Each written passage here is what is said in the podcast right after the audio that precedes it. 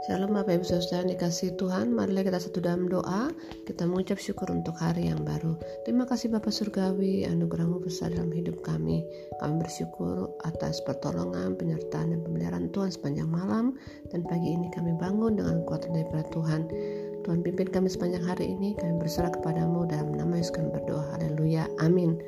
Bapak Ibu Saudara marilah kita membaca kitab Yunus pasal yang ketiga dan pasal yang keempat Kedua pasal ini tidak dapat dipisahkan Bapak Ibu Saudara. Oleh karena ini merupakan suatu kisah bagian kedua atau babak kedua daripada kehidupan Yunus.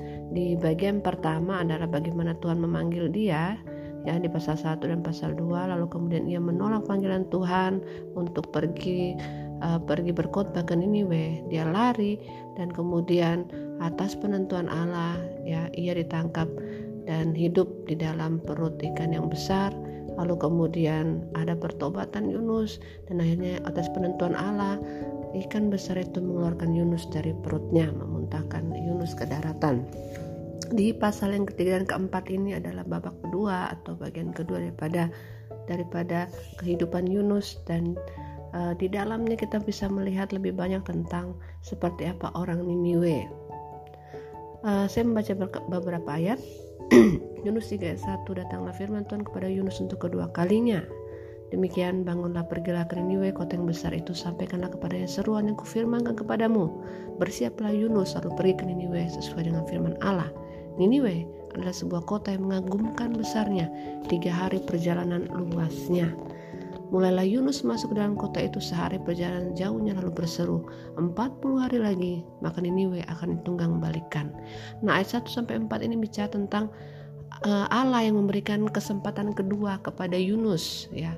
Kesempatan kedua kepada Yunus yaitu untuk ayo kamu pergi lagi ya pelayanan pergi ke Niniwe untuk memberitakan uh, menubuatan atas kota ini yaitu bahwa karena mereka jahat maka Tuhan akan uh, Tuhan akan menghukum mereka. Dan kita bisa melihat bahwa respon uh, Yunus kali ini bukanlah kabur tetapi ayat 3 mengatakan bersiaplah Yunus harus pergi ke Niniwe sesuai dengan firman Allah.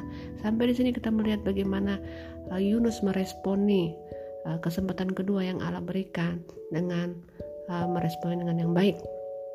Lalu ayat 5 sampai uh, ayat yang ke-9 kita melihat bagaimana orang-orang Niniwe, respon orang Niniwe ketika mendengar firman Tuhan. Ayat 5, orang Niniwe percaya kepada Allah, lalu mereka mengumumkan puasa dan uh, mereka baik orang dewasa maupun anak-anak mengenakan kain kabung. Ya, ayat 6, Raja kota Niniwe ketika mendengar hal ini turunlah ia dari singgah sananya ditanggalkan jubahnya diserubungkannya kain kabung lalu duduk di abu. Nah ini adalah uh, adalah praktek atau kebiasaan orang pada masa itu yaitu ketika mereka berduka atau ketika mereka uh, memohon suatu kepada Tuhan maka mereka akan seperti orang yang berkabung ya mengenakan kain kabung duduk di atas abu. Ini bicara tentang hal merendahkan diri mereka di hadapan uh, Allah yang Maha Kuasa.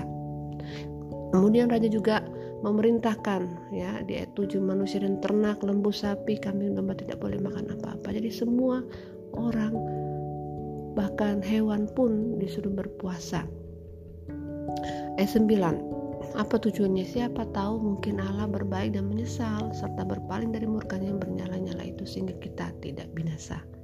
Yang menarik adalah ketika Allah melihat perbuatan mereka itu di ayat 10 yakni bagaimana mereka berbalik dari tingkah lakunya yang jahat maka menyesal Allah karena malapetaka yang telah dirancangkannya terhadap mereka dan ia pun tidak jadi melakukannya.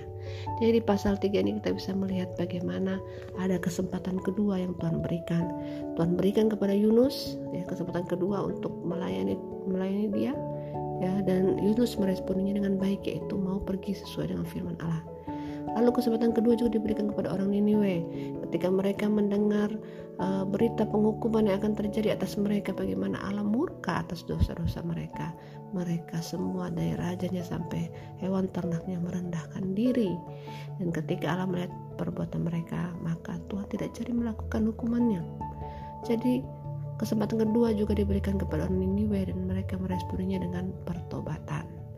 Di Yunus pasal 4 kita melihat ya uh, narator atau orang yang bercerita atau yang menulis kitab Yunus kemudian e, mengalihkan perhatian kembali kepada Yunus. Yaitu apa respon Yunus ketika ia mengetahui bahwa Tuhan tidak jadi melakukannya? Ayat 1 hal itu sangat mengesalkan hati Yunus lalu marahlah dia ya luar biasa ya ada manusia ada hamba Tuhan yang marah kepada Tuhan karena Tuhan eh, mau mengampuni orang yang berdosa. Nah ini menarik. Yunus ini uh, kesal mungkin iri ya. Dia marah lalu dia berdoa pada Tuhan Tuhan bukan kata aku katakan ketika masih negeriku. Itulah sebabnya aku dulu melarikan diri. Jadi di sini kita melihat mengapa sih uh, Yunus melarikan diri ke Tarsis ya. Yaitu karena dia tahu bahwa Tuhan tidak akan uh, menghukum orang Niniwe jika mereka bertobat. Nah, itu mengatakan, aku tahu engkau Allah yang mengasihi, engkau Allah yang penyayang, panjang sabar, berlimpah kasih setia, yang menyesal karena malapetaka yang hendak didatangkannya. Tapi karena kesal, Yunus mengatakan ayat 3, sudah Tuhan cabut saya nyawaku lebih baik aku mati daripada hidup. Dan Bapak Ibu Saudara ini adalah perkataan orang yang kesal. Mungkin Yunus tidak serius, tapi karena kesalnya, ya istilahnya sudah capek-capek datang ke Niniwe yang jauh. Lalu berkeliling satu hari perjalanan ya mengelilingi kota yang luar biasa mengagumkan besarnya ini. Eh ujung-ujungnya ternyata berita penghukuman itu tidak tidak jadi karena orang Niniwe bertobat. Jadi ada sedikit kekesalan dalam hati Yunus. Tapi firman Tuhan menegur dia ayat 4 layakkah engkau marah? Ya. Kemudian uh, Yunus keluar dari kota Niniwe ya uh, tinggal di sebelah timur lalu tinggal di sebuah pondok ya ayat 6 6, 7, 8 ada frase atau anak kalimat yang berulang di sini yaitu anak kalimat atas penentuan Allah atau atas penentuan Tuhan Allah Ayat 6 Atas penentuan Tuhan Allah tumbuhlah sebatang pohon jarak melampaui kepala Yunus untuk menaunginya agar ia terhibur daripada kekesalan hatinya. Yunus sangat bersuka cita karena pohon jarak itu. Tetapi keesokan harinya ketika fajar menyingsing, atas penentuan Allah datanglah seekor ulat meng menggerek pohon jarak itu sehingga layu. Ayat 8 segera sudah matahari terbit, atas penentuan Allah bertiuplah angin timur yang panas terik sehingga sinar matahari menyakiti kepala Yunus Lalu rebalah ia lesu, berharap supaya mati katanya. Lebih baiklah aku mati daripada hidup. Ayat 9 firman Allah pada Yunus, layakkah engkau marah karena pohon jarak itu? Yunus mengatakan selayaknya aku marah sampai mati. Nah ini kesal ya seperti anak kecil yang kesal Bapak Ibu Saudara kalau tidak diberikan apa maunya. Lalu Allah berfirman, engkau sayang pada pohon jarak itu, padahal engkau tidak berjerih payah menanam dan menumbuhkannya. Ya, Bagaimana tidak? Ya 11 Bagaimana tidak aku akan sayang kepada Niniwe Kota yang besar itu yang berpenduduk lebih dari 120 ribu orang Semuanya tidak tahu membedakan tangan kanan dari tangan kiri Dengan ternaknya yang banyak.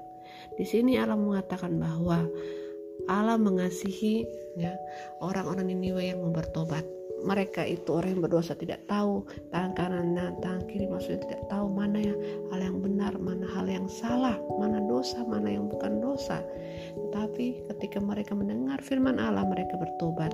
Tentunya Tuhan akan mengasihi mereka pelajaran yang dapat kita petik daripada kisah uh, Yunus dan orang Niniwe ini adalah yang pertama Allah selalu memberikan kesempatan kedua amin untuk kesempatan kedua Tuhan berikan kepada Yunus dan kepada orang Niniwe. Dan di sini diperlukan respon manusia yang benar. Maukah kita menanggapi kesempatan kedua yang Allah berikan dengan memberikan hidup kita untuk melayani Tuhan, untuk bertobat, untuk hidup bagi Tuhan. Pelajaran kedua adalah Allah itu adalah Allah yang berdaulat. Segala sesuatu ia izinkan terjadi semua atas penentuan Allah. Dan oleh sebab itu manusia perlu belajar menerima kehendak Tuhan dan berserah kepada tuntunan Tuhan kepada apa yang menjadi maunya Tuhan. Amin Bapak Ibu Saudara, mari kita satu dalam doa. Terima kasih Tuhan Yesus buat kebaikanmu dalam hidup kami. Kami rindu Tuhan untuk menjadi orang-orang yang melakukan firman-Mu dalam hidup ini Tuhan. Kami rindu untuk menjadi jemaat yang selalu memberikan respon yang benar atas kesempatan-kesempatan yang Tuhan berikan bagi kami.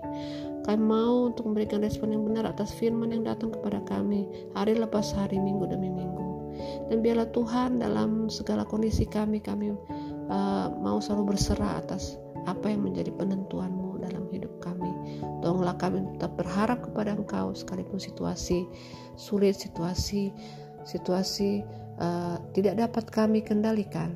Kami mau menyerahkannya ke atas ke dalam tangan Allah yang berdaulat. Terima kasih Bapak.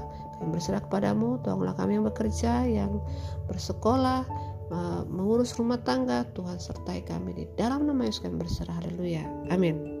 Shalom.